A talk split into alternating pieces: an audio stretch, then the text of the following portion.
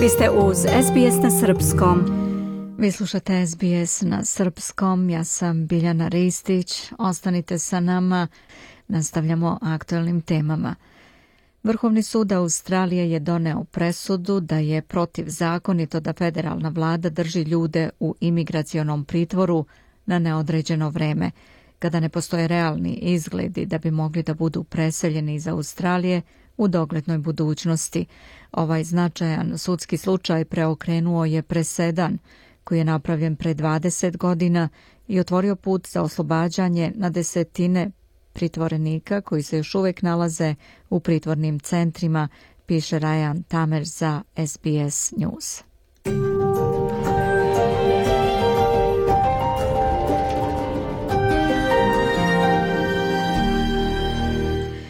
Vrhovni sud Australije je doneo veoma važnu presudu kojom je poništio presedan iz 2004. kada je dozvoljeno da ljudi budu u pritvoru na neodređeno vreme čak i u uslovima kada ih je nemoguće deportovati. Josephine Langbine je vršilac dužnosti glavnog pravnika u Pravnom centru za ljudska prava koji je nudio stručne savete sudu po tom pitanju. Ovo je izuzetno značajna odluka koja će konsekventno promeniti živote ljudi koji su godinama bili u pritvoru, ne znajući da li će i kada ili da li će ikada izaći.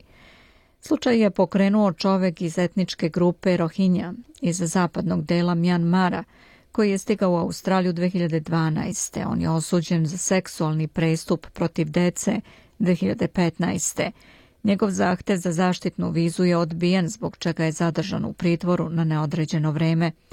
Profesorka Michelle Foster je direktorka centra Peter McMallin na Pravnom fakultetu u Melbourneu za apartide, odnosno lica koja nijedna država ne smatra svojim državljanima u skladu sa zakonom. Mnogim ljudima, čak milionima ljudi širom sveta, država u kojoj su rođeni ne daje državljanstvo, što može biti zbog rodne diskriminacije, može biti zbog rasne, verske, etničke diskriminacije ili jednostavno zbog grupa u zakonima o državljanstvu. Suština je u tome da ljudi ostanu bez državljanstva, a bez svoje krivice, kaže ona. Trenutno je više od hiljadu ljudi u pritvoru u australijskim centrima za pritvor imigranata, od toga je 31 osoba bez državljanstva. Generalni advokat je pred sudom rekao da postoje oko 92 pritvorenika koji ne mogu da budu vraćeni u zemlju porekla, a koji će nakon ove presude morati da budu pušteni na slobodu ali profesorka Foster kaže da bi ova odluka mogla uticati i na druge koji su već pušteni. Svakako je moguće da ovo može dovesti do zahteva za kompenzaciju na osnovu toga što su neki ljudi u prošlosti bili nezakonito pritvoreni, kaže profesorka Foster. Ministar unutrašnjih poslova u Senci James Peterson kaže da je vlada trebalo da predvidi ovu mogućnost i da deluje ranije kako bi sprečila osuđene kriminalce da uđu u zajednicu.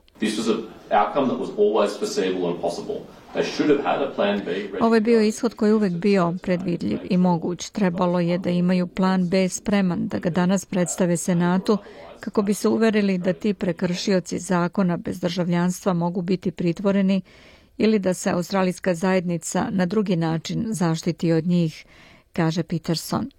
Premijer Anthony Albanese dotakao se ovog pitanja nakratko, neposredno pred put na forum Pacifičkih ostrva, ali kod kuće senator iz Queenslanda Mary Watt i ministarka inostranih poslova Penny Wong pokušali su da odagnaju zabrinutost. The only person who is affected by this decision who has been released at this point in time Jedina osoba na koju ova odluka utiče i koja je u ovom trenutku puštena na slobodu je podnosilac tužbe u ovoj konkretnoj odluci. Koliko mi je poznato, niko od ljudi za koje se odluka možda odnosi nije pušten u zajednicu, kaže Watt. I can assure the Senate uh, that this government Uh, Mogu da uverim Senat da će ova vlada nastaviti da sarađuje sa zvaničnicima u našem odgovoru na ovu odluku da osiguramo bezbednost zajednice, da se bezbednost poštuje, rekla je Penny Wong. a senator zelenih Nick McKim kaže da je vreme da vlada reaguje da bi se odluka što pre sprovela. No što je sada kritično jeste da laburisti deluju sa najvećom žurbom kako bi oslobodili svakoga ko je u imigracijonom pritvoru, a okvir ove odluke Vrhovnog suda, rekao je McKim. Vrhovni sud će svoju presudu objaviti tokom narednih meseci, piše Ryan Tamer za SBS News. Želite da čujete još priča poput ove? Slušajte nas na Apple Podcast, Google Podcast, Spotify ili odakle god slušate podcast.